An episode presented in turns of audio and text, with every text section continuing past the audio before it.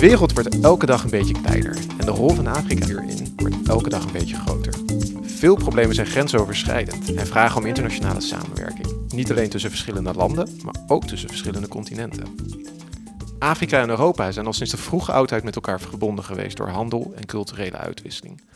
Ook vandaag de dag is deze relatie belangrijk als het gaat om problemen als klimaatverandering en vluchtelingenstromen, of belangen zoals handel en migratie.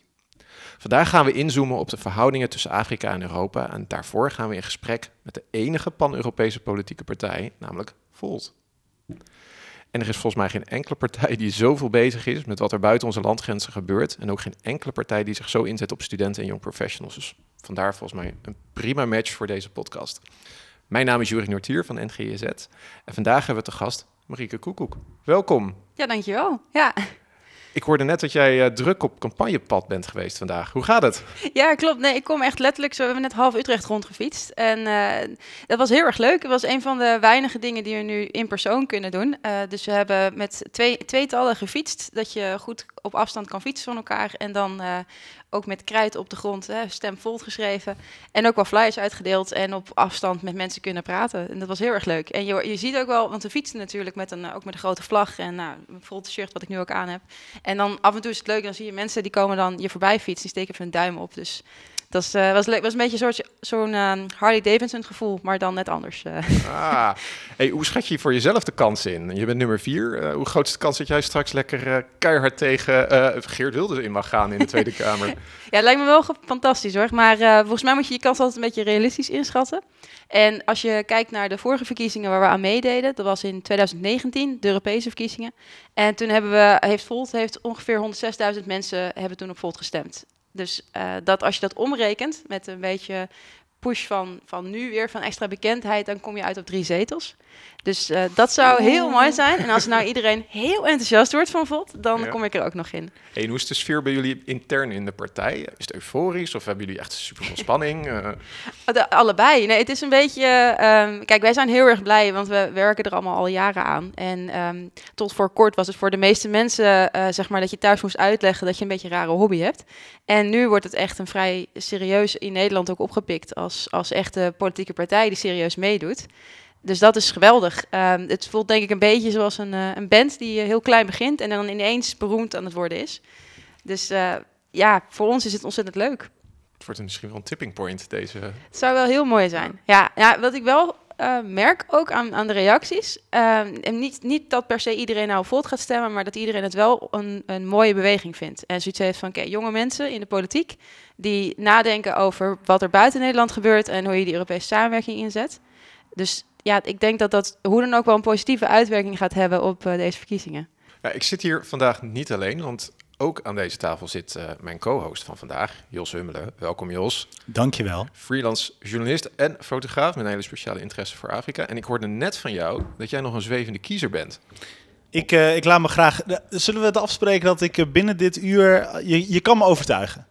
ja, hartstikke ja, goed. Goed? Ja, dus ik, uh, ik, ik, ik ben bereid als het echt een goed verhaal wordt. Ik ben benieuwd. Dan, uh, dan ga ik aan het eind van dit uur vertellen of ik Volt ga stemmen. Dan ga ik me ook aan houden. En jij had ook uh, uh, flyertjes mee. Ja, ja en als het nou echt een goed verhaal is, doe ik die door de bus in, in Utrecht Tuinwijk. Tuinwijk, kijk, heel mooi. Zie graag tegemoet. Cool. Hey, maar wij zitten hier natuurlijk met name om het te hebben over Afrika vanwege de podcast. En daarom ben ik ook heel erg benieuwd hoe jullie als Volt tegen Afrika aankijken. Um, als we kijken naar de relatie tussen Afrika en de EU, waarom is Afrika überhaupt belangrijk voor ons? Oké, okay, dat is een uh, compacte vraag. Ja. Uh, nou, ik denk om meerdere redenen. Kijk, um, Afrika is natuurlijk een, een, continent hè, waar best wel veel verschillen zijn. Dus je moet ook volgens mij altijd nadenken over nou, welk, zeg maar, als het over Afrika en EU-relaties hebben, dan zit daar heel veel uh, verschillende aspecten aan en vers er zitten verschillende landen in dat continent. Hè. Dus het is ook niet alsof je nou, één aanpak en dat is het. Mm -hmm. En waar het, het grote belang is, het zijn onze zuidenburen. Het is heel erg in de buurt. Um, los van het feit dat we dus handelsrelaties met elkaar hebben en dat we daar uh, allemaal beter van worden als je het op een goede manier insteekt. Dat is denk ik één heel belangrijk punt, hè, wordt heel vaak genoemd. Maar los daarvan is het belangrijk om uh, met de landen die om jou heen, uh, aan jouw grenzen als Europa, om daar goede betrekkingen mee te onderhouden. En om vooral van elkaar te begrijpen van wat hebben we van elkaar nodig om het veilig en goede samenwerking te, te houden. Dus dat, ja, dat is een beetje in het kort het antwoord. Hè? Maar, maar goed, dat, dat geldt ook voor uh, Azië, zeg maar. Klopt. Dat begint bij de Bosporus of, uh, of in het oosten. Hè? Ja. maar wat is nou specifiek aan ja, de landen rondom de Middellandse Zee? Dus echt onze relatie vanuit de EU met, met dat continent en dan met name de Maghreb-landen. Ja, ik denk dat met name met die landen inderdaad, omdat dat echt onze buren zijn. Uh, het is natuurlijk eh, een bekend verhaal dat we niet alleen maar handelsrelaties onderhouden, maar dat er ook uh, echt um, ja, migrantenstromen zijn die vanuit die landen naar Europa vertrekken. En zeker vanuit vol perspectief dan hebben wij, hebben wij het idee van je moet daar meer een normale route van maken. Dus nu moeten mensen vaak een heel gevaarlijke route ondernemen. En worden mensen ook een beetje weggezet als van ja goed, als je het bereikt, nou prima, maar we duwen je ook nog wel eens terug. En wij vanuit Volt denken we van ja, je moet daar veel meer um, op een humane manier mee, omgaan. En daarbij zeggen van, kijk, het zijn landen die bij ons in de buurt liggen. Dus het is natuurlijk niet helemaal logisch om dan te doen alsof er een soort uh, Fort Europa bestaat. Dus dat, daar, daar met name willen wij verandering in brengen. En ja, want wat voor soort verandering zien jullie dan voor je? Je noemde net een, een normale route. Uh, hoe, ja, ziet, dus hoe ziet dat eh, voor jullie eruit? Dat is een, gewoon dat je dus eigenlijk een legale route hebt. Hè? Dus dat je in plaats van dat je um, uh, op, op, een bootje moet naar Europa, dat je gewoon een vliegtuig kan pakken. Dat je op een veilige manier in Europa kan landen. En dat we ook een uh, snellere procedure hebben om uit te zoeken van nou, wie is vluchteling en wie heeft dus die bescherming nodig en wie is arbeidsmigrant. En als het gaat om arbeidsmigranten, dat we er weer voor zorgen dat mensen uh, van tevoren weten of hier werk is. Dat we ze dan vervolgens ook op een goede uh, plek, hè, een, gewoon een goed huis dat je kan leven terwijl je werkt. En dat we weer inzetten op circulaire arbeidsmigratie. Dat is iets wat we in het verleden gedaan hebben. Dat mensen hier tijdelijk gingen werken en dan weer teruggingen naar het land van herkomst. Uh, dat is met name met, met dus die Noord-Afrikaanse landen hadden we daar een vrij goed systeem in. En dat is veranderd, zeker in Nederland, in, uh, omdat we de migratieregels veel strenger hebben gemaakt. Dus op enig moment konden mensen, moesten eigenlijk gaan kiezen van kom ik hier in Nederland uh, werken en blijf ik hier permanent of ga ik terug en heb ik de kans dat ik niet meer kan werken. En wij willen met Volt juist weer terug naar gewoon een, een slimme manier van arbeidsmigratie inzetten. Dus dat, dat zijn een beetje zo van, ja, je hebt natuurlijk verschillende categorieën mensen. Hè? Dus uh, je moet nooit uh, een soort van één aanpak voor iedereen bedenken. Ja. Maar veel meer ervan uitgaan van, oké, wat hoe kunnen we een win-win situatie creëren met elkaar? En wat is dan de win-win situatie voor ons en wat zou de win-situatie voor de Afrikaanse landen zijn? Ja, ik denk dat um, daar eigenlijk, als je dan even bij arbeidsmigratie blijft hè, als onderwerp. Dus wij hebben in Nederland vrij veel sectoren die tekorten hebben aan uh, mensen gewoon die in de zorg werken of mensen, dan moet je denken aan bijvoorbeeld aan seizoenswerk. Um, en op dit moment is het vrij lastig om daarvoor iemand anders dan een Nederlander aan te nemen. En moet je eigenlijk eerst door een aantal hoepels springen. En wij willen ervoor zorgen dat je dus vanuit onder andere Noord-Afrikaanse landen, maar überhaupt uh, het buitenland, zeg maar, dat je uh, van tevoren weet van ik kan me aanmelden voor werk. Ik, kan, uh, ik, heb, ik, krijg een, ik heb een arbeidsplek beschikbaar. Ik heb een veilige plek om vervolgens ook gewoon te leven terwijl ik die arbeid verricht. En ik kan daarna weer terug naar het land van herkomst.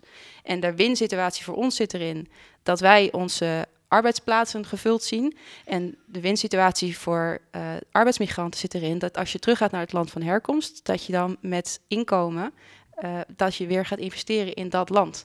Dus je, je, creëert, je zorgt ervoor dat uiteindelijk ook het land van herkomst erop vooruit gaat. Onze vorige podcast was met Arne Doornenbal van de Netherlands Africa Business Council. Heel tof gesprek, gaat naluisteren zou ik zeggen. Uh, niet, niet aan jou, maar aan onze, al onze luisteraars. Nee, ik wil ook en ook luisteren. Uh, uh, en hij, het Netherlands Africa Business Council, zei afgelopen week, jongens, de tijd dat de, onze buren, een landje, twee landjes verderop, de Polen of de Roemenen, hier wilden werken, seizoensmigratie of, of in de bouw, die is klaar. Hè? Dat willen ze niet meer. en daar stijgen de lonen ook. Uh, Afrikanen. Is dat ook jullie oproep? Maak het makkelijker voor Afrikaanse mensen om in de EU te werken?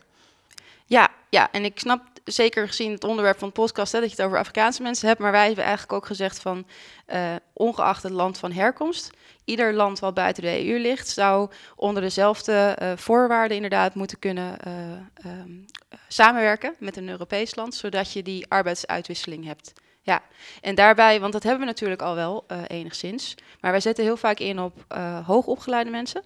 Uh, dan moet je een beetje denken aan de buitenlandse manager die hier als kennismigrant komt werken. En uh, vanuit Volt zeggen we, je moet juist ook kijken naar wat we dan ja, laag opgeleid of laaggeschoold werk noemen. Omdat daar uh, de gaten zitten op de arbeidsmarkt. En omdat je daar dus ook landen van derde landen het meest mee vooruit helpt. Want uh, op het moment dat je alle hoogopgeleiden uit een land zeg maar, uh, het makkelijk maakt om hier in Nederland te komen werken, het aantrekkelijk maakt. Wat je daarmee ook doet, is dat je de welvaart in het land van herkomst ondermijnt. Want je trekt daar de mensen die uh, het meeste welvaart welzijn zouden kunnen brengen, die trek je vervolgens naar een al ontwikkeld land. En ook die cirkel willen we doorbreken met Volt. Als je kijkt naar de, de algemene verhoudingen zoals die er nu zijn tussen Europa en de, en de eigenlijk de Afrikaanse Unie misschien zelfs, of uh, het Afrikaanse continent. Wat is Volts mening daarover? Wat zou daaraan verbeterd kunnen worden in die, die verhoudingen tussen die verschillende uh, groeperingen en verschillende landen? Nou ja, dat vind ik wel een, een, ingewikkelde vraag, omdat mijn indruk van de Afrikaanse Unie, um, ik ben ook niet per se expert, maar mijn indruk van de Afrikaanse Unie is dat het nog vrij losvast is. Dus er zijn bijeenkomsten en er zijn wel strategieën die gezamenlijk worden uitgezet, maar het is nog geen um, hechte ja, een hele hechte organisatie zoals de Europese Unie is. Um, wat ik denk daar heel belangrijk in is, is juist omdat het uh, wel dus een, een strategische ver verband is, is dat je de diplomatieke betrekkingen onderhoudt. Want er zijn natuurlijk heel verschillende uitdagingen waar Afrikaanse landen zelf mee te maken hebben. Uh, de klimaatcrisis die slaat daar het hardste toe. Uh, er zijn grote verschillen in economische ontwikkeling tussen de landen. Dus het, het is denk ik wel goed om als EU ook te weten van waar zitten de nuanceverschillen, zodat je met ieder land kan samenwerken. En ik, da, daarbij heb je die Afrikaanse Unie denk ik ook nodig, omdat daar het overzicht het best bestaat. En zo'n land als Kenia is niet hetzelfde als een land als Tunesië, maar het zit allemaal in de Afrikaanse Unie. Er zijn natuurlijk en, enorme verschillen ook in het continent. Ja, ja, exact. Ja, en dat, dat vind ik maakt het Afrikaanse continent ook um, heel interessant en tegelijk soms ook ingewikkeld. Omdat we wel eens praten inderdaad van ja, hoe, hoe uh, geven we die uh, relatie met Afrika, hoe, uh, hoe vormen we die? Terwijl ik dan denk, ja, dat is bijna hetzelfde als, als vragen van de relatie met, met um, Europe Europa en Azië samen, zeg maar. Er zitten zulke grote verschillen tussen. En qua, qua uitdagingen en qua mogelijkheden. Dus dat, uh, maar goed, dus de Afrikaanse Unie specifiek is denk ik een organisatie op dit moment die uh, met name um, goed is om de, dus de diplomatieke betrekkingen te onderhouden, om de stra strategie, het overzicht te houden. Er zit natuurlijk ontzettend veel geschiedenis ook in. Uh, de verhoudingen vanuit Europese landen met Afrikaanse landen. Ja. ook een moeilijke geschiedenis, die er misschien ook voor zorgt dat het tegenwoordig ook lastiger is om bijvoorbeeld problemen aan de kaak te stellen. Uh, een van die punten is bijvoorbeeld mensenrechten schendingen in uh, sommige Afrikaanse landen. Hoe kijken jullie daar als Volt tegenaan? Welke rol zouden wij als Nederland of als Europese Unie moeten spelen bij dit soort uh, toch wat precaire zaken? Ook daarin denk ik dat je als Europa, juist ook vanwege de geschiedenis, dat je daar um, je als gelijkwaardige partners op moet stellen. En wat er denk ik nog wel eens wil gebeuren, is dat wij dan um, als, als Europa zeggen van oké, we sluiten handelsverdragen en vervolgens willen we daar ook mensenrechten uh, standaarden in en daar moet een ander land maar aan voldoen. Mm -hmm. En dat is dan, dan onderhandel je met elkaar niet helemaal vanuit een gelijkwaardige positie. Dus daarin zouden we um, meer toe moeten naar overleg, denk ik. In de zin van waar kunnen we zelf als Europa bij assisteren? En uh, waar moeten we soms grenzen trekken? Dus op het moment dat een land in uh, gewelddadig conflict betrokken is, dan wordt het wel heel moeilijk om te zeggen: oké, we gaan als Europa daar onderhandelen, handelsbetrekkingen mee on onderhouden. Maar op het moment dat een land um, eigenlijk al verder is in de ontwikkeling en zegt bijvoorbeeld van nou, uh, oké, we willen wel handelsrelaties onderhouden, maar de gelijkwaardigheid zeg maar, ontbreekt, omdat de, de, ene economie is kleiner dan de Europese economie. Dat wij als Europa dan zeggen, daar helpen wij dan bij, dat je kunt voldoen aan de standaarden, zodat je toegang hebt tot de Europese markt. Ik denk dat daar de, de kans erg in zit, dat je je als gelijkwaardig partner opstelt en zegt van, eh, kijk, uh, het is geen, jullie zijn niet afhankelijk van de Europese Unie als land. Um, maar we willen er wel voor zorgen dat die ongelijkheid die er ontstaan is door historische achtergrond, dat die weer rechtgetrokken wordt. Mag ik het even iets concreter maken? Want mhm. bijvoorbeeld uh, een van de uh, misschien wel twee of drie belangrijke, belangrijkste landen in de EU is, is, is Frankrijk. Ja. Macron staat op dit moment aan het roer. Uh, Frankrijk gedraagt zich op het Afrikaanse continent zelf niet altijd heel erg netjes. we hebben het over um, militaire basissen en, en wat die militairen daar allemaal uitvreten. Uh, op uh, met name in de, in de Sahel. Maar ook bijvoorbeeld als het gaat uh, over het controleren van financiële, het financiële stelsel van de West-Afrikaanse munt. Nou ja, dat soort fratsen. Kun je, kun je dan als EU nog zeggen tegen een dictator in, in, in Rwanda of zoiets van... hey, ho, ho is, dit mag niet of word je dan, dan word je toch te snel weer die paternalistische Europese vaderfiguur. Uh... Die, die eigenlijk niks mag zeggen in die zin. Want op natiestaatniveau uh, verpesten we uh, dat we überhaupt iets mogen zeggen als EU zijnde. Of, of denk je daar anders over? Nee, dat ben ik met je eens. Ik denk ook dat daar een van de problemen ligt als je het hebt over. Maar dat is dan eigenlijk, vind ik, meer aan de Europese Unie, zeg maar, een mankement.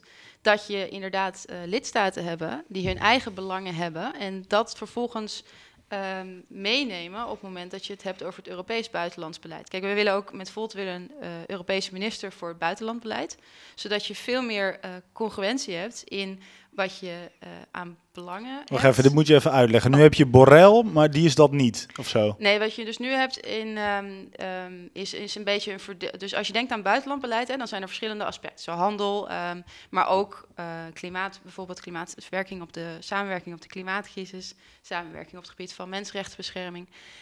dat is op dit moment in Europa gesplitst. Dus Europa heeft vrij veel uh, bevoegdheden als het, als het, gaat over het aangaan van handelsrelaties. daar mag men vrij onderhandelen eigenlijk. Maar op het moment dat je het hebt over diplomatieke betrekkingen en dus die samenwerkingen, sociaal, milieu, dan uh, hebben we daar veel minder vrijheid in. En dan heb je de individuele lidstaten die hun eigen strategie daarin uitzetten.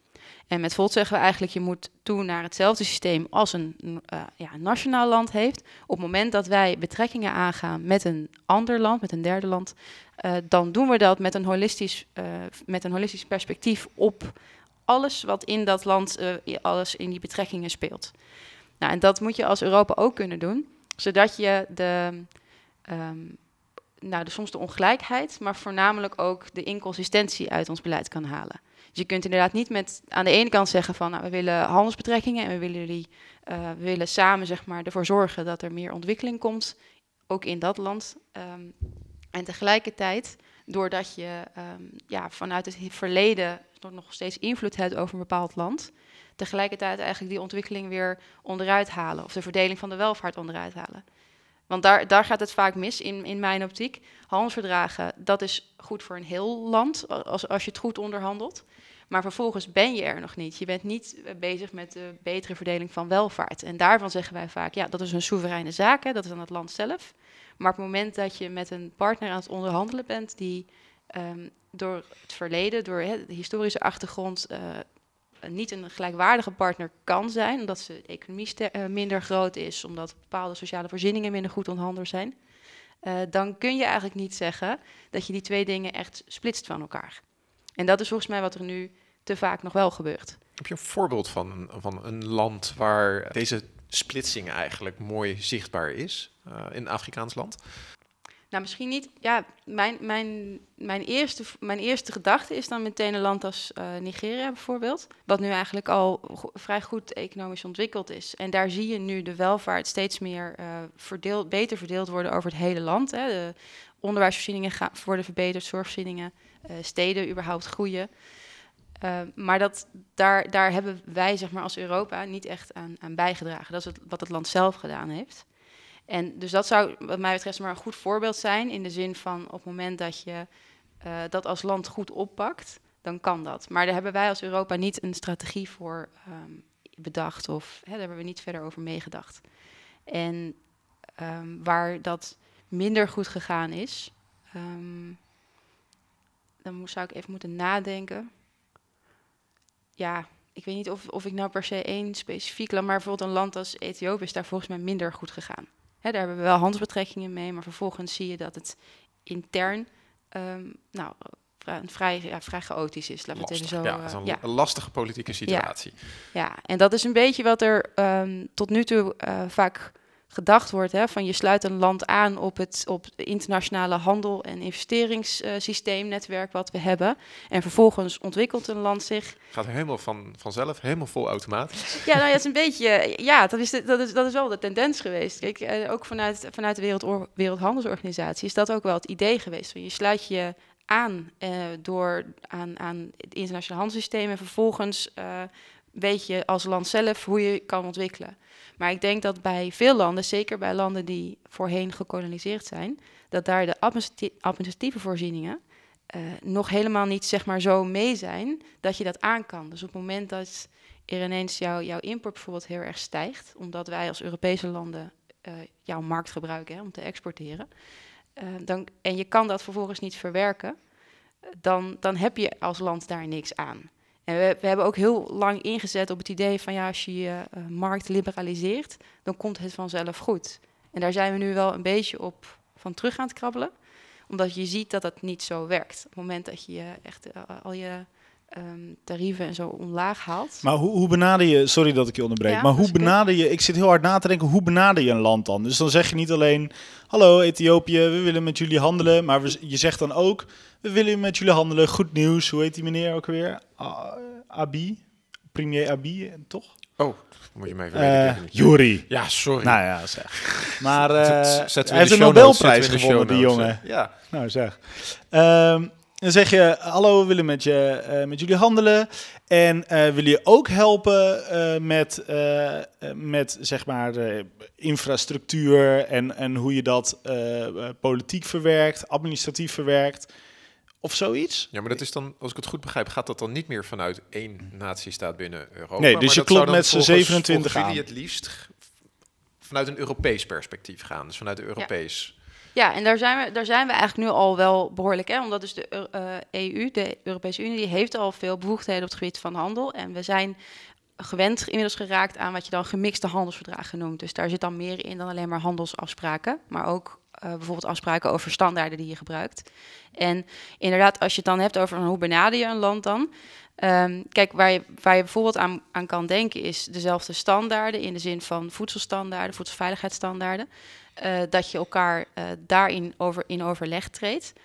Um, en waar je ook aan moet denken is bijvoorbeeld uh, alle douaneformaliteiten. Dus op het moment dat je producten in en uit een land laat gaan, dan blijven ze soms heel lang liggen aan de grens, omdat een, een, douane nog niet zo ontwikkeld is dat je snel kan verwerken. Oh, ik dacht dat je het ook had over op een of andere manier ontwikkelingssamenwerking als het gaat over wat er in dat land zelf gebeurt. Daar, daar moet je denk ik altijd heel voorzichtig mee zijn. Ja, okay, Want op het moment wel, ja. dat je zeg maar komt met, nou ik heb een hè, aantrekkelijk voorstel wat betreft handel. Maar ik ga je ook even vertellen hoe ja, mensenrechten werken, bij wijze van spreken. Dan, dan ben je alweer bezig met een ongelijkwaardige samenwerking. Want dan zeg je eigenlijk van ja, ik heb een bepaalde uh, standaard, ik heb een bepaalde idee over mensenrechten, die moet je zo overnemen. Wat je dan denk ik beter kan doen, is uh, iets meer die ontkoppeling van ontwikkelingssamenwerking, puur zang en handel. In de zin van, je moet wel, denk ik, projecten voor blijven zetten die uh, te maken hebben met het verbeteren van de rechtsstaat en de democratie in een land. Maar dat niet uh, compleet koppelen aan de voorwaarden die je ehm, binnen je handelsbetrekkingen wil onderhouden. Dus dat je niet bij wijze van spreken zegt van, nou, je krijgt uh, nul tarief op um, de export van, van graan, bij wijze van spreken maar op voorwaarde dat je ervoor zorgt dat iedereen anticonceptie heeft. Zeg maar, die, die quid pro pro, daar moeten we een beetje vanaf. Nou, dat gebeurt al niet meer hoor, dus ik chargeer het nu. Ja, ja. Maar het is een beetje, dat, dat was wel enigszins het denken richting um, ja, landen die een economisch minder sterke markt hebben. En daar kunnen we als Europa zelf een stap in maken. Daar hoeven we niet op te wachten tot landen dusdanig ver ontwikkeld zijn dat ze zelf terug gaan duwen. En wat mij betreft ook, en wat Volt betreft, want ik spreek natuurlijk namens Volt, is uh, de beste route daarvoor ook multilaterale samenwerking. Hè? Dus dat je weer teruggaat. Wat bedoel je precies met multilaterale samenwerking? Dus dat je um, niet uh, twee landen, bijvoorbeeld, dus ja, in dit geval dan de EU en een ander Afrikaans land, uh, dat je daar um, minder de focus op hebt. En dat je of eigenlijk minder, of in ieder geval dat je die focus blijft houden wellicht, maar dat je ook veel meer richting de Wereldhandelsorganisatie gaat. En dus met verschillende uh, landen, hè, dat, is, de internationale handelsorganisatie die we hebben, daar zijn bijna alle landen op aangesloten. En als je binnen die kaders van de Wereldhandelsorganisatie onderhandelt, dan heb je al enigszins um, de, de meer de gelijkwaardigheid, zeg maar, die krijg je al, al meer sneller dan wanneer je één op één onderhandelt. Omdat je in de Wereldhandelsorganisatie heb je verschillende blokken. Dus je hebt bijvoorbeeld een blok van uh, wat je dan noemt ontwikkelingslanden. En die hebben ongeveer dezelfde belangen. Dus die kunnen uh, ja, de, de koppen bijeensteken en zelf uh, een lijstje maken aan voorwaarden. En dat onderhandelt dan prettiger met een grotere economie zoals de VS of China of de EU. Dus, dus Volt heeft veel vertrouwen in de, in de Wereldhandelorganisatie? Wel als de beste route om um, meer gelijkwaardigheid uh, tussen landen te krijgen. Maar niet ja. zoals die nu is? Niet zoals die, nou niet zoals die nu in de zin van nu, nu functioneert die uh, amper, omdat we hebben natuurlijk een onderhandelingsronde die helemaal vast uh, ligt, de Doha-ronde. en we hebben op dit moment um, nou ja, een probleem in de zin, omdat het, het geschillenbeslechtingssysteem wat we hebben, dat, dat tussen landen hè, moet, hand, waarbij je als landen handelsconflicten onderling beslecht en wat binnen de uitspraak kan doen, nou, dat ligt uh, bijna helemaal stil, omdat het appellate body, dus het, het hoger gerechtshof, zeg maar. Dat uh, volg je als jurist? Stil ligt. Of, nou, of advocaten? Een, ik, ik, uh, ik ben advocaat nu in opleiding um, en ik volg het omdat mijn achtergrond, dus ik ben ooit um, opgeleid in internationaal handelsrecht en ik heb ook als onderzoeker daarop gezeten. Dus ik heb het ook... dus weg bij die thema, Jury. Ja, nou ja, dat, ja, dat, die, dat, die, moeten we niet te diep in te technisch, te technisch. Ik wou net zeggen, we, moeten, we hoeven hier niet super lang over, na te, over, over door te spreken. Maar voor mij, en ik, kijk, het is natuurlijk de enige uh, organisatie, internationale organisatie die we hebben, uh, waarbij je die handelsbetrekkingen, die kaders samen kan vaststellen. En dat geeft wel um, veel meer ruimte om tot gelijkwaardigheid tussen landen te komen. Terwijl op het moment dat je één op één onderhandelt, dan ben je afhankelijk in die zin van uh, ja, je diplomatieke kracht, uh, je economische kracht. En dat is heel vaak niet gelijkwaardig. En dat, dat is op zich, dat is niet abnormaal natuurlijk. Dat, dat, die positie hebben wij als EU ook wel eens. Maar op het moment dat je, zeker op het moment dat je onderhandelt met uh, Afrikaanse landen, moet je daarin, denk ik, een extra stap nemen. En dat komt, ja, ik weet niet, je moet niet gaan wachten tot Europa dat zelf doet. Dus vandaar dat we zeggen, je moet ook die multilaterale route, daar moet, die moeten meer gesteund worden. Ik wou nog even teruggaan naar het stukje immigratie. Ja, ja dat leuk. is natuurlijk een hot item, ook, ook bij deze verkiezingen weer. Ja. En Ja. eh, als ik dan aan Afrika denk, dan komt heel vaak ook eh, het beeld bij mij in ieder geval naar voren van flinke stromen aan migratie die richting Europa gaan. Jullie zijn heel erg voor verdere Europese samenwerking. En die Europese samenwerking heeft volgens mij nu toegeleid dat er bepaalde afspraken ook gemaakt zijn met Noord-Afrikaanse landen. En dat een Frontex-programma is, is opgezet. Hoe staan jullie daarin? Nou, zoals het, zoals het nu is opgezet, Ja. zowel die samenwerking als Frontex, eh, daar moeten we vrij snel van af. Eh, in, omdat Waarom? wat.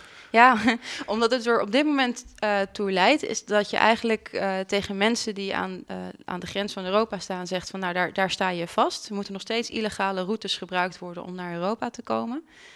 Omdat dus die onderlinge afspraken die zijn gemaakt, houden in de praktijk in dat eh, mensen gewoon niet naar Europa mogen. Het is dus een soort grens van Europa die we buiten onze eigen grenzen hebben gelegd. En de manier waarop Frontex op dit moment opereert is eh, buiten, ehm, ehm, buiten de kaders, zeg maar, die, of buiten het overzicht, dat je eigenlijk zou willen hebben. Want Kijk, Frontex kun je zien als een soort douaneorganisatie van Europa. Dus we, met Volt hebben we ook gezegd, we willen Frontex in principe versterken, omdat dat de enige organisatie is die die buitengrenzen kan bewaken. Tegelijkertijd, wat je nu ziet met Frontex, is dat het ehm, zich niet meer houdt aan de bevoegdheden die het zou moeten hebben, aan het mandaat. Dus je Wat, hebt wat, wat gebeurt er nu dan? Wat ze eigenlijk niet zouden mogen doen?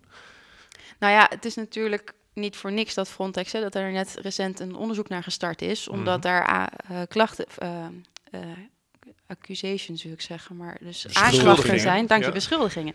Dat er beschuldigingen zijn dat Frontex nu gewoon mensen teruggeduwd heeft, vrij letterlijk. Hè? Dus in, dat je probeert territoriale water binnen te komen en op dat moment komt er een, een Frontex-boot of vliegtuig langs en vervolgens slepen die je weer terug buiten territoriale wateren van Europese landen.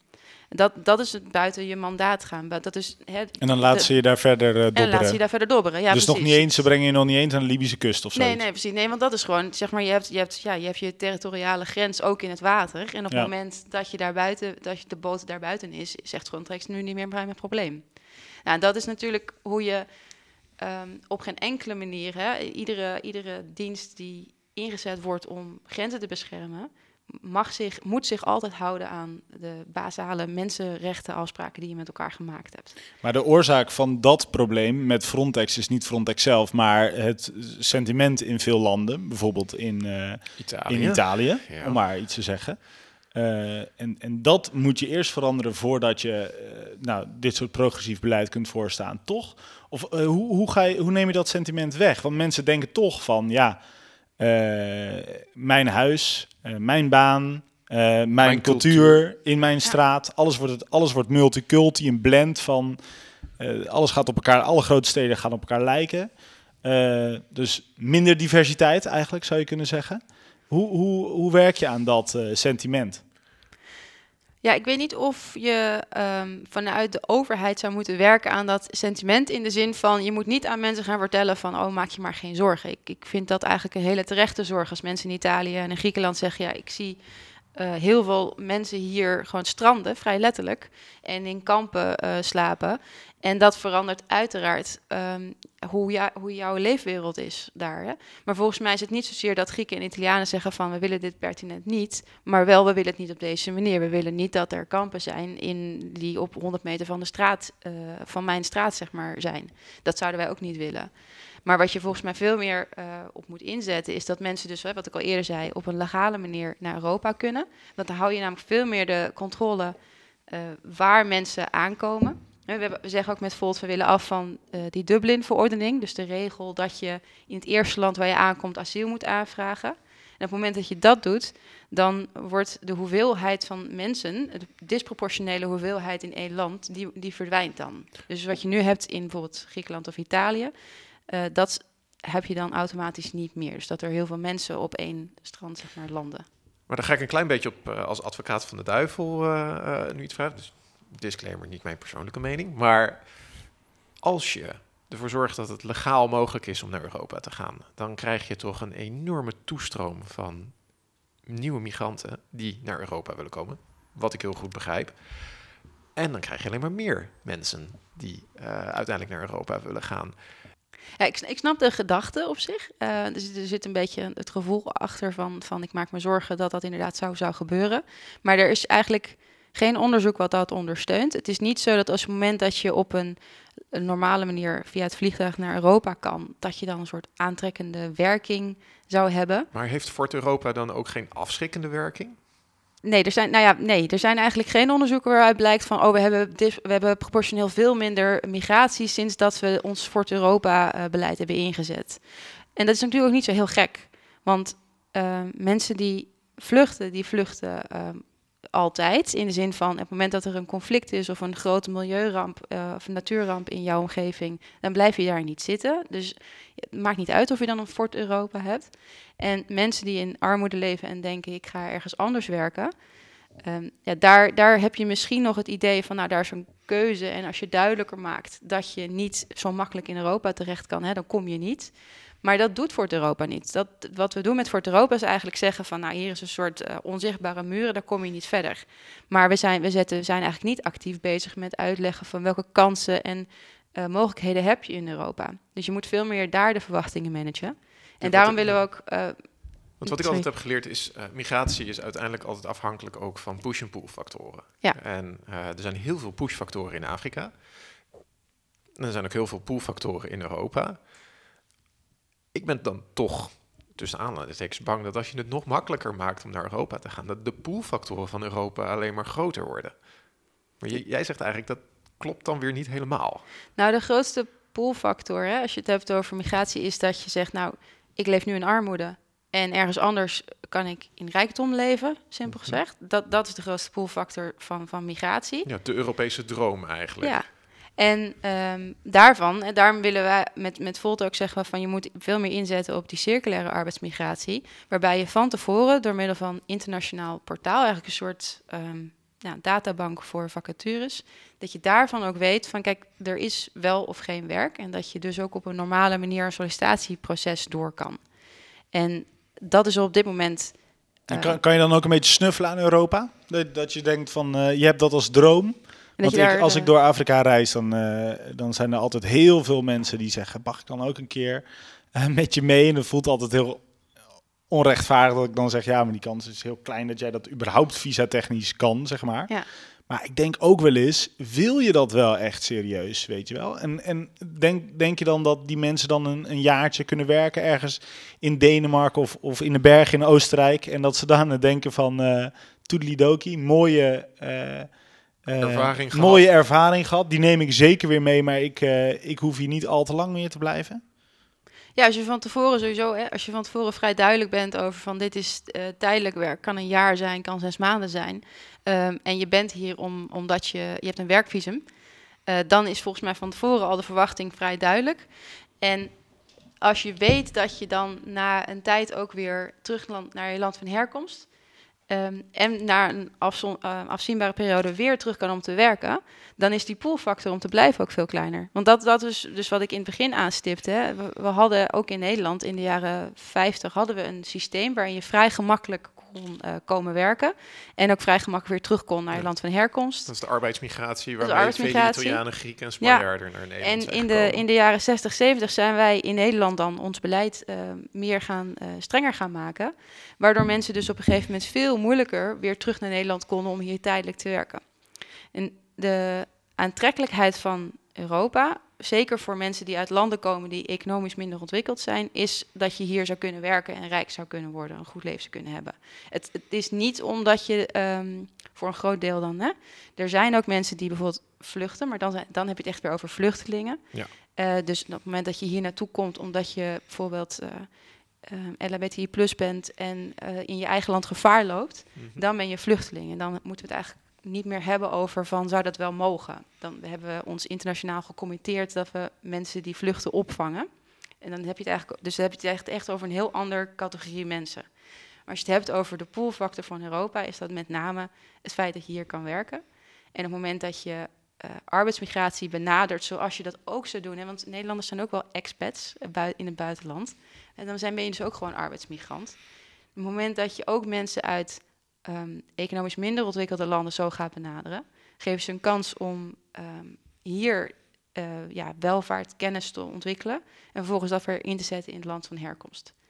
En als je dat van tevoren duidelijk die verwachtingen managt, dan zijn er eigenlijk niet zo gek veel redenen waarom iemand die dan hier vervolgens zegt, ja, maar ik wil hier blijven wonen.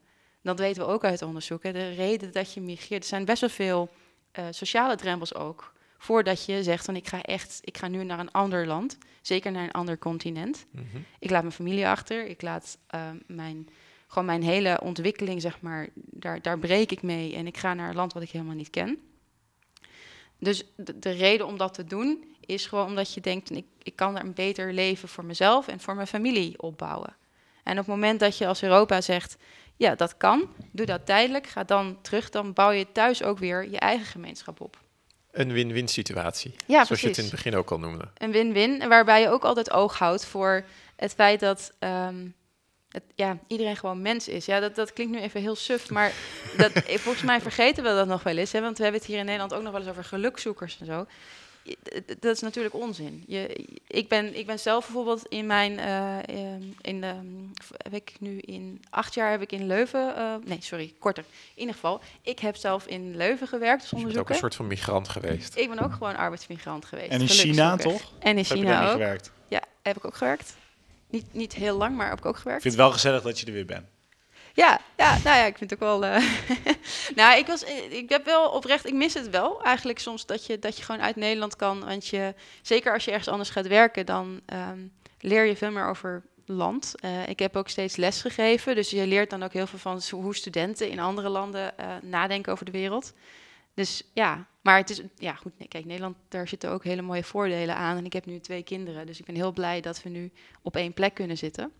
Maar ik ben ook wel heel blij als straks corona over is en we wat meer uh, kunnen reizen. En ik hoop ook wel dat ik in de toekomst weer in het buitenland kan werken, al was het maar tijdelijk. Ja, en dan, dan ben je dus ook gewoon arbeidsmigrant. Alleen bij mij, omdat ik dan een, een universitair geschoold ben, denken mensen niet van, oh, dat is een gelukzoeker. Dat, en dat vind ik een grote onrechtvaardigheid, waarvan ik denk, ik, ja, ik begrijp eigenlijk niet zo goed waarom we dat in stand blijven houden. Ik ben een gelukzoeker, hè? Ja. Ja. Je bent nu druk op campagnepad en uh, het verhaal wat je net vertelde, uh, het is geen makkelijk verhaal om uit te leggen volgens nee. mij. Hoe valt dit op straat? Hoe, hoe, hoe ga je de gemiddelde Nederlander, als die al bestaat, die bestaat natuurlijk niet, maar hoe ga je die ervan overtuigen uh, dat jouw verhaal het juiste verhaal is en dat we inderdaad veel meer naar een eerlijkere samenwerking tussen Europa en Afrika moeten gaan en dat we die migratie op een andere manier moeten aanpakken. Pak je dat aan? nou, ja, eigenlijk ook, ook een beetje door te vertellen, bijvoorbeeld wat ik net ook over mezelf vertelde. Hè, van, wij kennen denk ik allemaal wel mensen die over de grens zijn gaan werken. Um, al was het maar even in, in Duitsland bij wijze spreken. En als je hem dan zo benadert, en dus ook als ik over mezelf vertel van nou, ik ben in Leuven gaan werken, ik ben dus eigenlijk ook een gelukzoeker geweest. Uh, dan doorbreek je een beetje de, um, het verhaal. Is een beetje een frame wat we zelf ges geschapen hebben. En ik denk dat de eerste stap in Nederland is, is om dat verhaal even weer soort van terug te brengen naar wat het daadwerkelijk is. En, en daarbij um, het feit dat je dus, uh, als, als voelt ook, als je zegt van je, die circulaire migratie, nou, dat klinkt heel spannend, maar dat betekent gewoon dat mensen tijdelijk komen werken. Dan valt een deel van de angst voor migratie ook weg. Omdat de angst voor migratie, dat we het net ook over is, dat je uh, cultuur verandert, dat jouw leefomgeving verandert en dat jij daar zelf niks over te zeggen hebt. En dat je zelfs uh, soms plaats moet maken in de zin van. Um, ja, uh, het is of een buitenlander overgenomen. of ik. Hè, een tegenstelling, ja, precies. Okay. En op ik, ik hoop zelf, en ik merk dat ook wel terug, op het moment dat je dus duidelijk aangeeft van, kijk, we, we zien ook wel dat er zijn vluchtelingen en er zijn arbeidsmigranten. Nou, dat weet je misschien niet van tevoren exact, maar dat kun je wel in een asielprocedure, daar kom je wel uit. Um, en dat je daarvoor verschillend beleid hebt. Dus dat, je, dat maakt wel uit. Want dat mensen zijn over het algemeen heel welwillend en begrijpen ook wel het moment dat je vlucht voor een conflict, dat we, dat we je dan gewoon goed willen opvangen. En dat je niet in een kamp aan de rand van Europa moet gaan wonen. Uh, en we begrijpen ook wel dat op het moment dat hier een tekort is in een, een bepaalde sector, uh, dat het dan voor ons ook goed is. Als je mensen van buiten Nederland, van buiten Europa misschien zelfs kan aantrekken om dat tekort te vullen. Dus daar, daarin, als je, gewoon, als je het op zo'n menselijke manier overbrengt, uh, dan komen mensen daar denk ik wel, je komt daar wel in mee. Ik heb nog tot nu toe, in ieder geval in mijn eigen ervaring, ik heb geen gesprek gehad waar mensen echt zoiets hadden van nee, maar dat is helemaal verkeerd. Maar waar je vaak een beetje doorheen moet breken is het verhaaltje, wat in Nederland best wel centrale plek gekregen heeft, is dat er zoiets is als, nou, je hebt een, de Nederlander, en dan heb je de hoogopgeleide buitenlander, en dan heb je de gelukzoekers. En die gelukzoekers, dat willen we niet. Dat, ja, dat, dat is echt een, een ja, zo, zo creëer je natuurlijk geen draagvlak. ik, ik ben een gevluchte uh, hugenoot uit Frankrijk. Wat jij, Juri? Oh man, er zit zoveel uh, gevlucht spul in mijn uh, bloed op dit moment. Uh, er zit inderdaad ook wat hugenoot bloed in, dus religieuze vluchteling vervolgens. ik heb ook nog eens familie uit Indonesië die na de onafhankelijkheid naar Nederland zijn tussen aanhalingstekens gevlucht. Dus ja, gelukzoekers zit er ook al in mijn bloed. Ja. Ik denk heel eerlijk gezegd dat als je het gaat navragen, dat iedereen dit soort verhalen in hun familie zou hebben. Al is het maar dat je gevlucht bent uit Groningen naar Amsterdam, omdat je in Amsterdam uh, werk kon krijgen. Ja. Ik, Jos, ik ben zelf... even benieuwd. Uh, jij was aan het zweven. Ben je al minder aan het zweven? Uh, maar ik zit er gewoon bij, hè? dat is echt een gemene vraag. Ja, ik praat wel even tegen jullie. maar toch wil ik het weten. Nou, ik, vond, ik, ik vind het wel. Uh, ze, Marieke zegt ook een paar keer: dit blijkt wel uit onderzoek, dit blijkt niet uit onderzoek. Hè? Dus dan ga je een beetje ook weg van bepaalde sentimenten. Er worden bepaalde uh, frames wel doorbroken. We hebben het net over gelukzoekers gehad. dat frame nemen we dan gedeeltelijk ook weer een beetje over, maar dat, dat maken we dan anders. Dat, dat trekt mij wel aan. En ik vind ook die samenwerking wel, hè, waar we het aan het begin over hadden. Hoe je als EU met z'n allen dan aankomt gezet. En dat je dus het woord gelijkwaardigheid daarbij in de mond nam en dat probeert na te streven, dat, dat trekt mij aan. Ja. Oké. Je luistert naar de Africast. De gast is Marieke Koekoek van Volt, Nederland. Laat ons graag heel even onderbreken, want vandaag hebben we een columnist. En dat is deze keer Henrik Broeier van NGJZ. Henrik, ga je gang. Een van de eerste pan-Europese samenwerkingen in de moderne tijd moet de koloniale conferentie in Berlijn en de daarop volgende wedloop om Afrika zijn geweest. Met een geodriehoek en gebruikmakend van de Griekse meetkunde werd Afrika met strakke lijnen onderverdeeld onder de Europese grootmachten. Van inspraak van de Afrikaanse staten of volkeren, laat staan van de individuele burgers op het continent, was uiteraard geen sprake. De rol van Nederland op de conferentie was, overigens uit vrije wil, marginaal. Nederland streefde niet naar Afrikaanse koloniën, maar slechts naar vrijhandel in de gebieden rond de grote rivieren zoals de Congo en de Niger. Economisch strategisch gezien was de conferentie een goede move van de Europese mogendheden. De langzaam verzadigende Europese markten konden met gebruik van het continent Afrika nieuwe afzetmarkten creëren en bovendien werd een gigantisch reservoir aan grondstoffen aangeboord. Humanitair gezien zijn de gevolgen daarnaast nog altijd merkbaar. Het kolonisatieproces werd in der tijd gerechtvaardigd met de gedachte dat de inheemse bevolkingen zouden profiteren van de westerse bestuurlijke en medische kennis. Tevens zou door de Afrikaanse bevolkingen worden geprofiteerd van de Europese bestrijding van de Arabische slavenhandel. Deze gedachte is ook vandaag de dag nog alleszins verdedigbaar als je kijkt naar de grote vooruitgang in levensverwachting die de westerse geneeskunde uiteindelijk heeft gebracht al daar. De Arabische slavenhandel werd bovendien met groot succes bestreden. Kijk maar naar de bouw van de stadions nu in Qatar. Bij de bouw daarvan komen de tussen aanhalingstekens arbeidsmigranten voornamelijk uit Aziatische landen. Als je echter kijkt naar de vele conflicten, het gevolg van grenzen die geen rekening hielden met de volkeren erbinnen en de gruwelijke politiek van bijvoorbeeld de Belgen in de Congo, zou je daarentegen ook een andere mening kunnen zijn toegedaan dan dat de opdeling van Afrika een humanitair succes was. En hadden we, zijn de Europese naties, überhaupt mogen beschikken over het lot van landen en volkeren zo ver weg.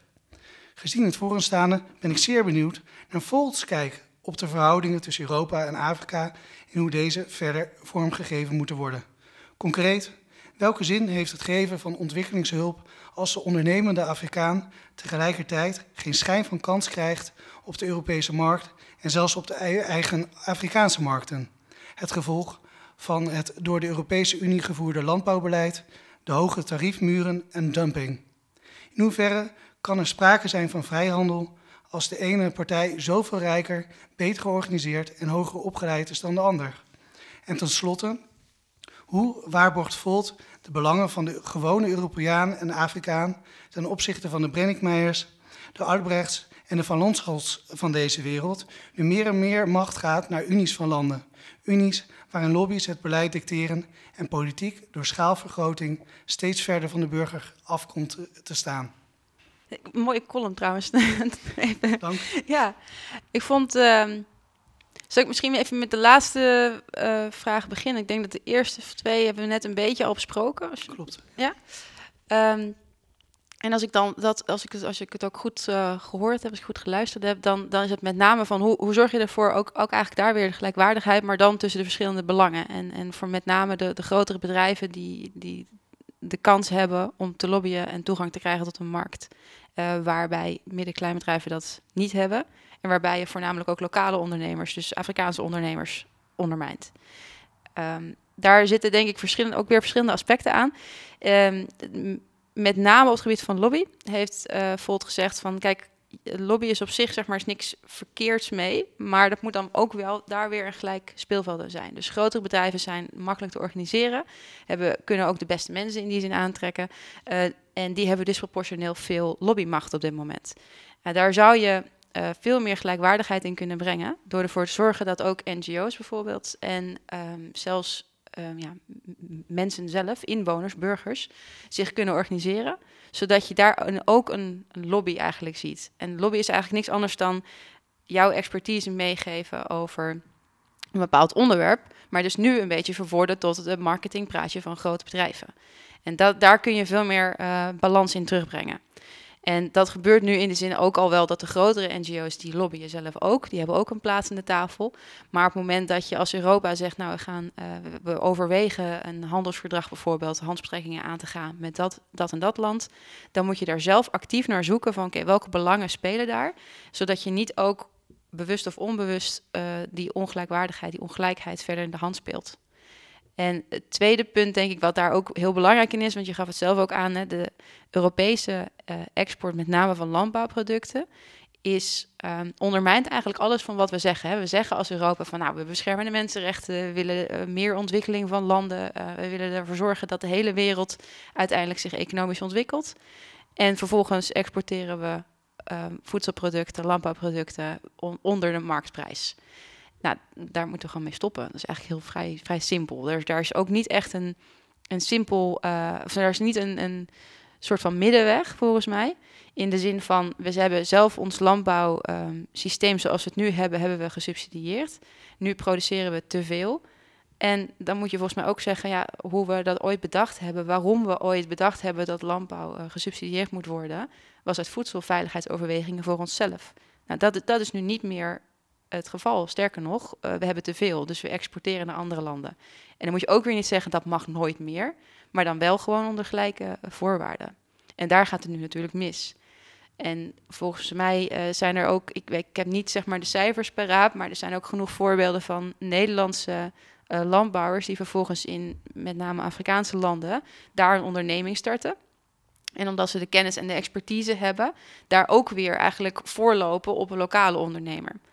En volgens mij moet je dan niet tegen de Nederlandse ondernemers zeggen, nou, je, mag je daar nooit vestigen, maar er wel voor zorgen dat je dus lokale ondernemers met um, die kennisachterstand of met die schaalachterstand, dat je daar wel bij in helpt.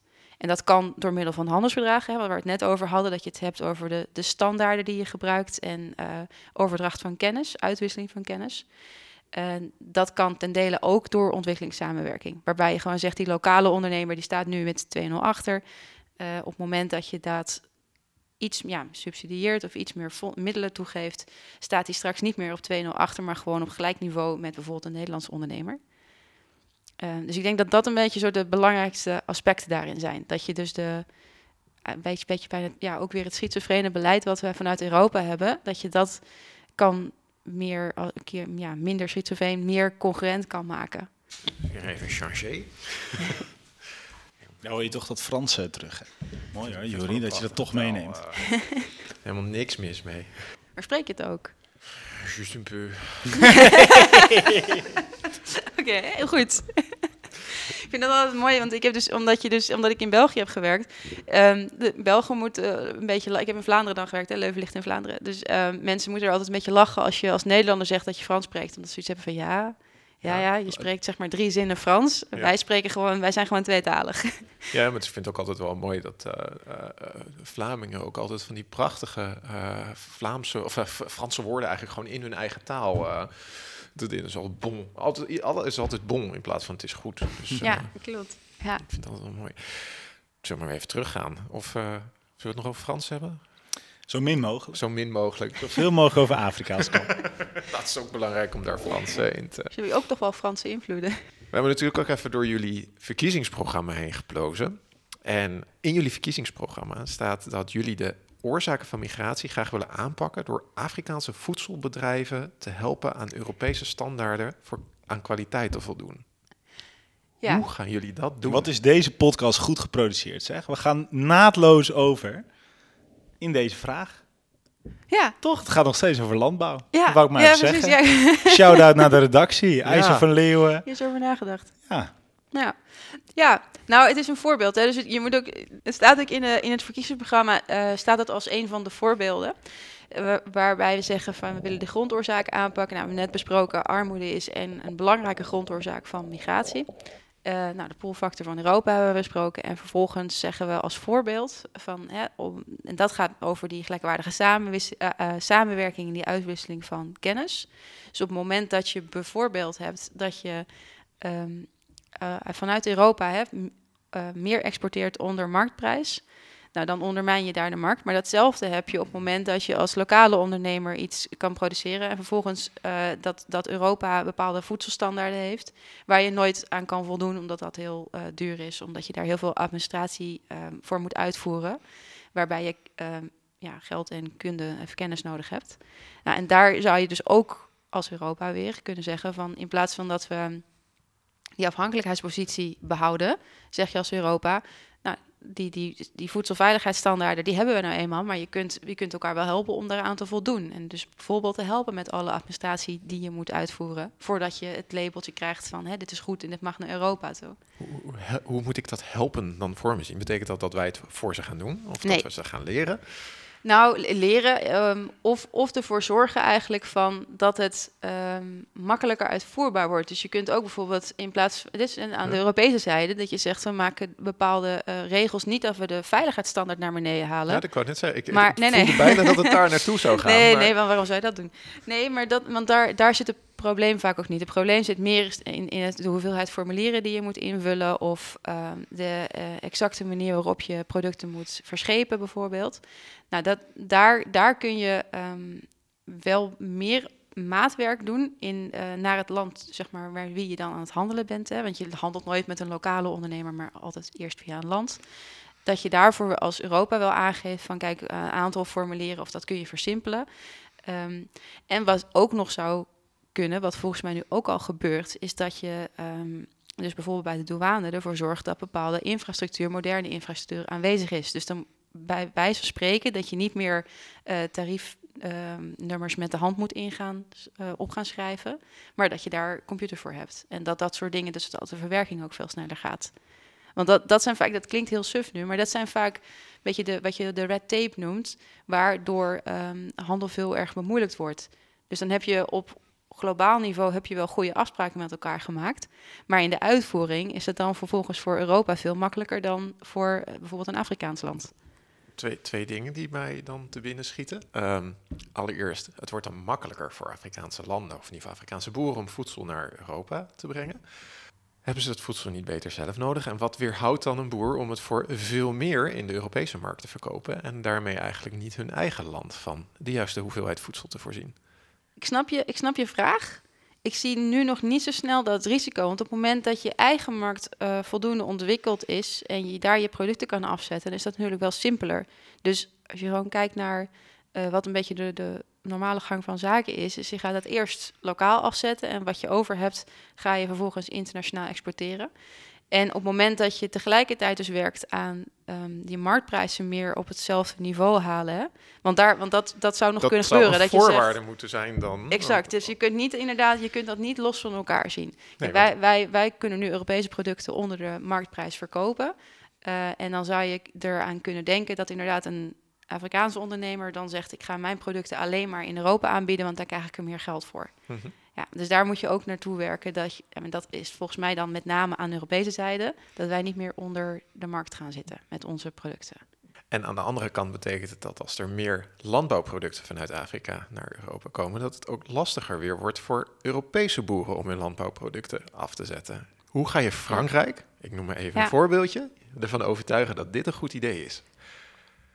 Ja, nou gedeeltelijk ehm, ga je denk ik moeten ook weer op in het, het verhaal het frame wat er zeg maar, bestaat over het belang van landbouw in Europa.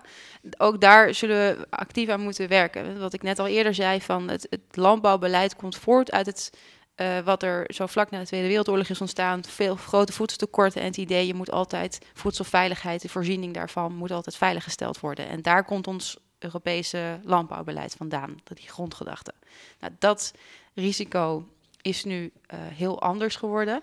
Feit dat uh, we zijn veel meer met elkaar onderling, ook uh, Europese landen onderling, zijn veel meer met elkaar gaan handelen, waardoor jouw onze voedselvoorziening zeg maar, is niet meer afhankelijk van jouw eigen land alleen.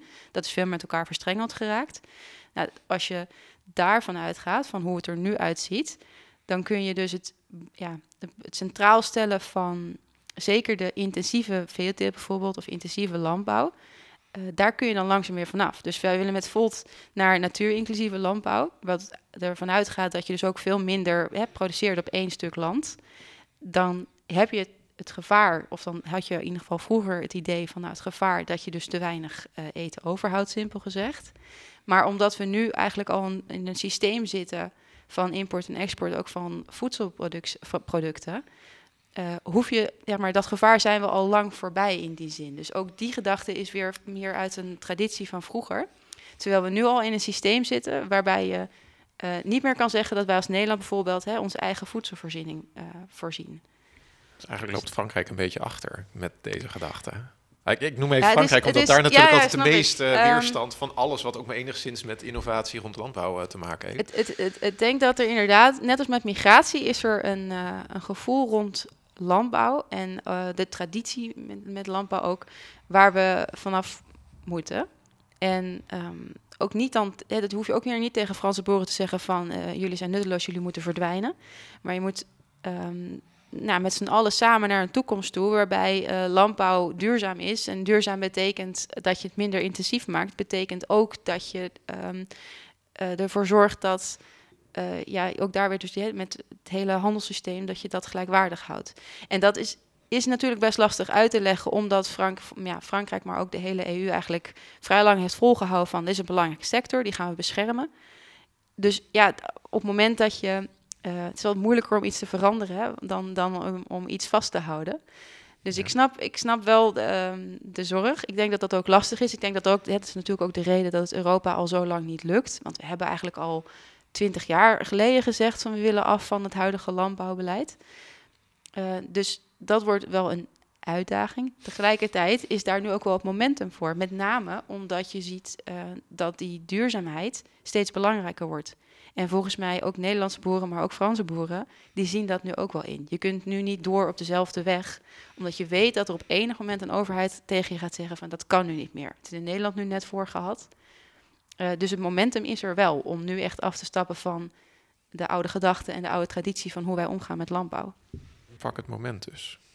Ja, pak het, pak het moment en zet daarbij ook heel duidelijk, uh, of leg, leg daarbij heel duidelijk uit wat het belang is uh, van boeren zelf. Want wat er ook wel eens vaak gebeurt, is dat uh, een soort tegengestelde belangen worden gepresenteerd. Hè. Je hebt nou, de duurzame belang. Nou, dat zou dan uh, tegendraad zijn aan het belang van, de, van een boer, van een landbouwer. Nou, dat, dat is onzin. Dat begint steeds duidelijker, dat begin je steeds duidelijker te zien.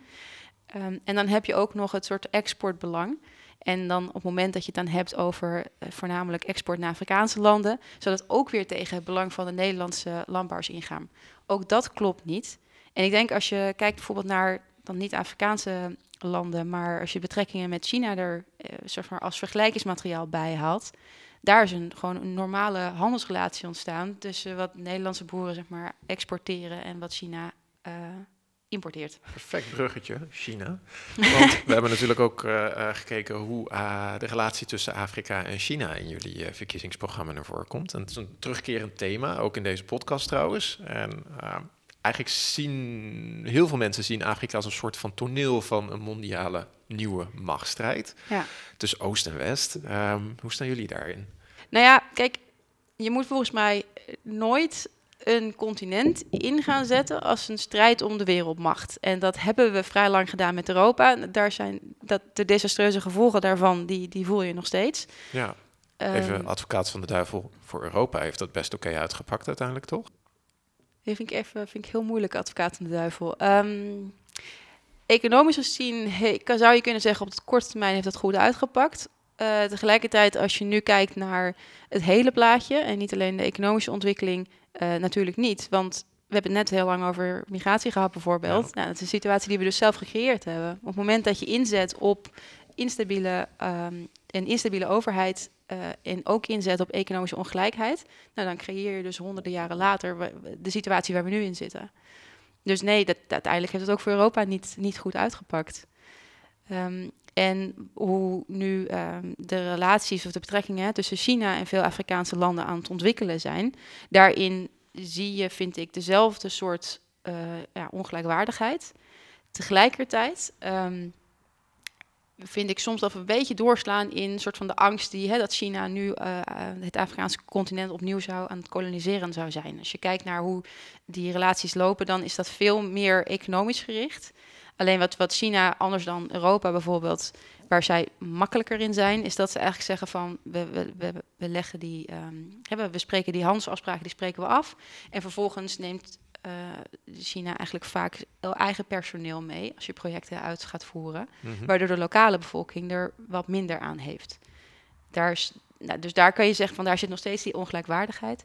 Maar tegelijkertijd is dat niet heel veel anders dan hoe Europa dat ooit uh, aangepakt heeft. Dus het feit dat daar nu vrij veel reuring over is in Europa zelf, is een, ja, moet je een beetje hypocriet misschien zelfs. Kijk, het is wel, het is wel zo, wat ik net al Maar het is toch, is toch gek dat uh, als je nu als Europese landen commentaar hebt over uh, op de slechte deals die China sluit met bijvoorbeeld Kenia. Uh, omdat ja, voor Kenyatta en de mensen om Kenyatta heen is het super, maar voor de gemiddelde Keniaan is het een hele slechte deal. Ja. Daar heb je als EU commentaar op. En dan, dan zegt China, ja, maar zo deden jullie dat ook vroeger, heel lang geleden. Dus nu mogen wij het ook Ja, dat, nee, dat is We hebben toch wat geleerd daarvan? Ehm, nou ja, dat vind ik een lastige. Want dan zeg je eigenlijk tegen China van je moet leren van, van de fouten van Europa. En dat doen we eigenlijk ook als we het hebben over het aanpakken van die klimaatcrisis. Hè. Dan zegt onder andere China zegt dan ook van ja, maar hey, jullie zijn ook rijk geworden met door uitstoot. En ehm, dat is natuurlijk in extreem niet waar. Maar wat Europa daar dan vervolgens tegenover zet van ja, maar je moet het eigenlijk precies op onze manier doen. Want dat is, wij hebben daarvan onze eigen fouten geleerd. Dat is ook niet waar.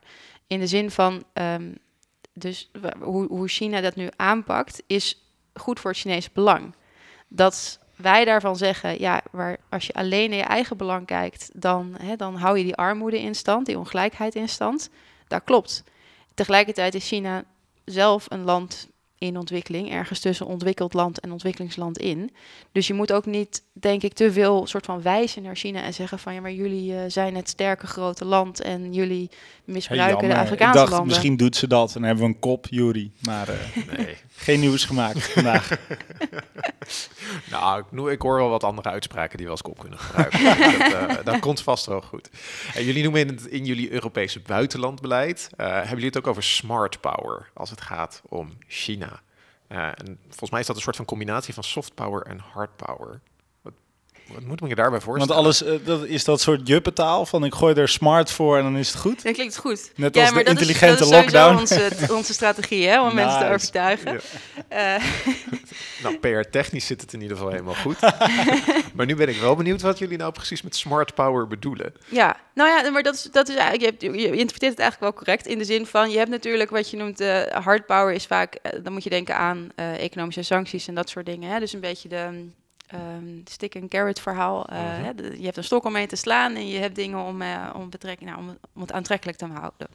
En um, daarin, als je iedere relatie die je eigenlijk aangaat met een ander land, uh, moet je op een, op een slimme manier doen, op een strategische manier. Kun je voor de volledigheid soft power ook nog even uitleggen? Oh ja. Is uh, diplomatiek? Ja, diplomatiek. Dus eigenlijk alles wat je niet uh, kan afdwingen, uh, door, door, omdat je er bijvoorbeeld geen vaste formele regels over hebt afgesproken, uh, dat, dat, dat noem je dan soft power. Dus een goed voorbeeld is dat we een internationale verdrag over economische en sociale rechten hebben. Maar dat zou je niet, je kan niet een ander land voor de rechter slepen omdat ze dat niet goed zouden doen. En dat kan bij andere afspraken weer wel. En dan, dat is een beetje het verschil ook wat je uh, formeel of, of niet formeel recht sowieso, zo zou je het ook kunnen benaderen. En dan nu heb je smart power. Ja, ja waarbij je dus inzet op het idee van um, dat je soms in de zin van als je afspraken hebt gemaakt, soms gebruik maakt van uh, de, de harde macht die je hebt. Dus dat je, en dan moet je met name denken aan economische sancties, hè, want dat is het soort van sterkste middel dat je hebt uh, voordat je overgaat die, tot conflict. Die sinds uh, de apartheid in Zuid-Afrika nooit meer ergens hebben gewerkt, sancties. Denk maar aan Iran, aan Rusland. Sancties laten dictators nooit op andere gedachten komen. Kijk maar naar Wit-Rusland. Ja, wat, er, wat, we, wat we nu vaak doen hè, met sancties is dat je het inzet tegen een land. En waar wij voor pleiten is dat, je het, uh, dat wij het als Europa meer inzetten tegen uh, mensen of, of een kleine club van mensen. Dus dat je veel meer de persoon raakt. Want je hebt gelijk op het moment dat je een, uh, een dictator hebt, dus de baas van een land, nou, die kan zich vaak wel rijk houden, waardoor uh, de baas, de dictator, blijft rijk en het land verarmt. En daar, daarvan zeggen we van, nou, dat, dat zou je smart kunnen noemen, in de zin van je moet daar zoeken naar de mensen die je wil raken. Je wil niet het land in armoede storten, maar je wil ervoor zorgen dat je een persoon beweegt die de baas is tot andere stappen. Dus op het moment dat er mensenrechteninschendingen plaatsvinden, dat je dan niet ehm, het land zelf raakt, maar de persoon die achter dat beleid staat of achter het beleid heeft ontwikkeld. En ehm, waar, dat, waar, waar dat smart power met name ook vandaan komt, is hè, dat het soms is het best moeilijk, zeker als je eh, met een land als bijvoorbeeld China te maken hebt, maar ook een land als Rusland, wat groot is, economisch sterk, militair ook wel sterk, verschilt tussen die twee landen, maar in principe een gelijkwaardige macht aan Europa. Dus dan kun je als Europa wel Ehm, van alles stellen en zeggen van ja, ik wil dat het zo en zo gaat, maar je hebt niet altijd de macht in handen om dat daadwerkelijk te doen. En zeker met een land als uh, China zijn wij niet uh, soort van de sterkere in die relatie uh, op dit moment.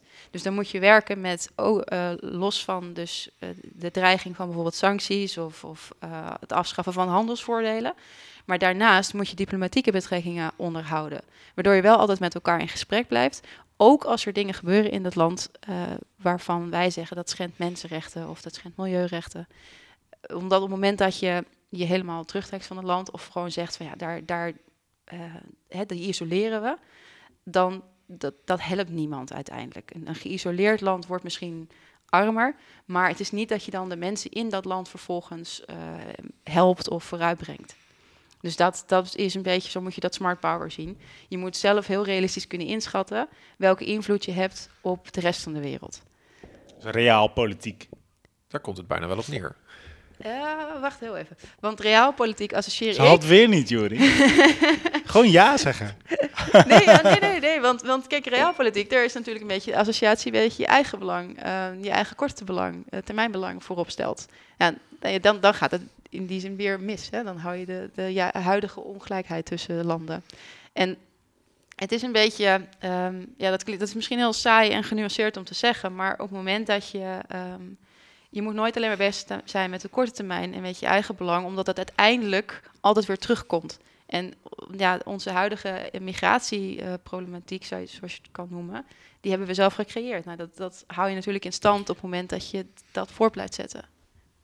Dus de, dus de realpolitiek, zeg maar, van zoals die oorspronkelijk zeg maar, ooit ontstaan is, staat voor mij heel erg gelijk aan uh, korte termijn eigen belang. En daar, daar um, zou je van kunnen maken of zou je van moeten maken eigen belang langer termijn. Stel, hè, stel, alle luisteraars van de Afrika's die hebben jouw verhaal nu gehoord. Alle uh, duizenden. Jos is straks ook helemaal overtuigd, gaan we straks nog horen. Hm. En jij komt met voorkeur stemmen, kom je in de Tweede Kamer. Wat gaat jouw eerste motie of wat gaat jouw eerste uh, actiepunt zijn? Eerste actiepunt. Uh... Over Afrika dan, hè, natuurlijk. Nou, niet in eerste instantie. Ik ben gewoon eerst benieuwd wat überhaupt je okay. eerste actiepunt gaat zijn. Mm -hmm. En daarna wil ik ook graag weten wat jouw eerste actiepunt voor Afrika gaat zijn. Eerst, eerste actiepunt in het algemeen zou voor mij zijn dat we uh, een humaner uh, migratiebeleid instellen, inzetten in Europa. Uh, en dat betekent op de hele korte termijn dat we ja, de zogenaamde Moria-deal, dat we dus die 500 kwetsbare mensen, kinderen opnemen. Maar vervolgens ook heel snel stappen maken om ervoor te zorgen dat je Um, dus als dat Europese landen evenredig mensen verdelen, sneller in een asielprocedure toelaten, die asielprocedure zelf, zeker in Nederland, veel sneller laten verlopen. En vervolgens ook op het moment dat je in zo'n asielprocedure zit, het recht krijgt om te werken en om de taal te leren. Uh, dat, dat zijn voor mij hele urgente stappen. En dat we tegelijkertijd dus inzetten op, uh, nou, waar we het net vrij lang over hadden gehad, over uh, hoe we arbeidsmigratie opnieuw kunnen benaderen. Eigenlijk een nieuwe visie op arbeidsmigratie. Dat zou ik als eerste, daar zou ik op inzetten. Dat zijn uh, natuurlijk dingen die, die even tijd nodig hebben, maar dat is wat mij betreft een van de meest belangrijke dingen. Ga je niet kapot schrikken als je wordt uh, ingestemd? Ja, best wel. Ben je, ben je ja. er wel klaar voor? Ja, je zegt natuurlijk ja nu, maar... Nou ja, kijk, weet je, het, het werk eigenlijk lijkt me heel erg leuk. Want je bent uh, bezig met um, het, het onderzoekwerk. En daar heb ik natuurlijk uh, inmiddels wat ervaring mee, heb ik plezier in. En tegelijkertijd met actie. En dat, um, nou ja, dat, dat is denk ik een unieke positie en ontzettend leuk om te doen. En je bent bezig met um, een soort van opkomen voor belangen van, van mensen. In plaats van dat je ja, bezig bent met soort van vergezichten of met je eigen politieke positie. En ik moet zeggen, kijk, campagne voeren vind ik nu is heel erg leuk. Maar ik ben hiervoor bij Vol terechtgekomen um, door mee te schrijven aan het beleid. In 2018 alweer? Nou, ik, ik kwam nog iets eerder zelfs. Want uh, Volt is in Nederland opgericht in 2018. Maar uh, bestond al eerder als beweging. En uh, ik heb in 2017, denk ik, begin, of ja, begin 2018, heb ik voor het eerst contact ge, gelegd zeg maar, met Volt. En ik ben toen bij het Europese beleidsteam terechtgekomen. Met, juist met het idee van beleid wordt vaak vanuit welwillendheid bedacht, maar ook vanuit een bepaalde ideologie. En wat ik mooi vind bij Volt is dat we die ideologie met, ja, los hebben gelaten of onze eigen ideologie hebben bedacht, hoe je het wil noemen. Maar dat we heel erg kunnen kijken naar wetenschap en feiten en hoe werken dingen nou echt. En daarbij ook sociologisch, uh, onderzoek en zo kunnen betrekken. Dus dat lijkt me heel mooi om daadwerkelijk uit te gaan voeren. Dus wat dat betreft ja, ben ik er wel, wel klaar voor. Het zou me wel ontzettend verrassen als dat gebeurt. Jos, geen stemmen? Nou, mijn stem heb je in ieder geval. Ja, ik stem op, ja, ik stem op Ah, Volt en op jou. Dat wil niet zeggen dat ik vanaf nu een Volter ben en lid ben. En, eh, Je wil nog geen niet het shirt hebben. Dat is, ik eh, wil jammer. altijd shirts hebben. heb je ook, Maar, heb je ook altijd eh, nodig natuurlijk. Eh, wat zeg je? heb je ook altijd hard nodig, shirts. Ik, ik, ik, eh, ik, ik vertrouw er wel op, ja. Hier is Ja. wel goed over nagedacht. Eh, ik vind buitenlandbeleid natuurlijk ontzettend belangrijk. Anders zou ik deze podcast niet maken. En ehm, ja, dus, eh, dus eh, momentopname van vandaag en het moment dat ik in het stok, eh, stemhokje sta is, eh, is Volt. Dat zeg ik erbij, hè, omdat anders wordt, ik, eh, wordt me hier nagedragen dat ik forever een Volter ben. En dat alles wat zij zo meteen gaan doen als kleine eh, partij, dat dat, dat, dat, op mij jou. afstraalt. Dat plakt aan jou. Ja, Ja, shit. nee, maar absoluut. Hè. En het is ook. eh, nou ja, nee, maar het is goed. Het is een momentopname. We hebben nog anderhalve week om het te verpesten, maar we zullen ons best doen om het niet te doen. nee, maar leuk. Goed om te horen. Nou, maar het is ook. Ik vind zelf ook. Ja, goed. Ook gezien mijn eigen achtergrond. Hè. Kijk, buitenlandbeleid en de positie van Nederland in Europa en de positie van Europa in Nederland ligt, is van mij betreft ook een verlengstuk van elkaar. Je kunt het eh, niet volledig los van elkaar zien. Dus daar, daar hoop ik ook, daar, daar wil ik ook met Volt voor werken, dat we dat ook steeds meer eh, consistent gaan doen. En dat heb je in het klein in Europa al, dat je soms het verhaal gepresenteerd krijgt van het Nederlands beleid versus het Europees beleid. Nou, dat is een harde knip die, die nergens op slaat. Maar eigenlijk, als je dan vervolgens wat verder kijkt, eh, dan moet je ook een consistent beleid naar, naar de rest van de wereld hebben. Hey, en Jury, durf jij op een, eh, op een partij te stemmen die hele onsexy dingen zoals eh, Europa sexy probeert te maken met, eh, met hele jonge mensen, hè? eh, onervaren dus ook. Durf jij, zou jij op zo'n stem eh, willen stemmen? Overweeg je dat? Weet je, het lastige is, ik ben dus nu weer zwevende kiezer geworden. Dat is denk ik mijn antwoord. dus we gaan eens kijken. Het is echt een heel cryptisch antwoord, ehm, maar mooi, leuk. Je mag doorvragen hoor, Marie. Nou, ik vind het wel leuk. Eh, misschien gewoon een vraag van waar- waarom ben je nu zwevende kiezer? Want Dan ben ik eigenlijk wel in- geïnteresseerd. Omdat ik heel lang zat te twijfelen tussen twee partijen. Ehm, en uiteindelijk dacht ik, ik heb een keuze gemaakt voor één partij. En eh, nu ben ik weer gaan twijfelen tussen die twee partijen. En dat heeft wel te maken met het verhaal wat ik net heb gehoord. Ja? Kijk, ik zelf, ik ben van, van huis uit ooit vroeger eh, ben ik geograaf. Dus ik ben ook altijd bezig geweest met wat er in de wereld gebeurt. En ik vind dat ook altijd heel erg interessant. Ik vind dat er vanuit de huidige politiek veel te veel naar Nederland zelf wordt gekeken. Nederlands 17 miljoen mensen. Europa is een verboden woord hè, in deze verkiezingen. Ja, en ik snap niet waarom. Ehm, zeker de af- afgelopen jaar zijn we echt heel erg binnen onze eigen grenzen gaan kijken. We zijn natuurlijk ook verplicht. Waarom? Omdat wij de Nederlanders, problemen- wij snappen Europa gewoon niet. Nee, Wat de gebeurt grote problemen allemaal? die zijn er nog steeds. En de grote problemen is niet corona. Eh, dat is niet het grote probleem op dit moment. Economisch gezien natuurlijk wel, maar ik zie in de toekomst zie ik nog veel, veel meer problemen. Eh, misschien helpt het ook mee dat, eh, dat er een kleintje bij mij onderweg is, waardoor je ook veel meer gaat kijken naar eh, wat voor wereld. eh, Nou, het zijn ga de je aan. hormonen die de, die de Dat- stem het, bepalen. zijn allemaal Ja. irrationele gedachten natuurlijk die bij mij eh, opkomen. Maar dat betekent wel dat je iets verder gaat kijken dan, eh, dan, dan een jaar. En eh, wat is mijn salaris over een jaar? En dan zie je inderdaad wel dat er veel meer problemen zijn. Migratie, eh, Europese samenwerking, eh, maar ook hoe de wereld er geopolitiek uit gaat zien. Eh, dat betekent ook dat klimaatverandering en eh, de soortenrijkdom op de wereld eh, een belangrijker issue vormen worden. En dan denk ik, ja, dat kun je allemaal niet binnen Nederland met eh, lokale politiek gaan oppakken. Dus je Dan gaat heb je toch een geen Europese- 50 plus stemmen. Dus mijn, mijn stem is helaas nu toch weer weggetrokken van eh, Forum voor Democratie. Nee.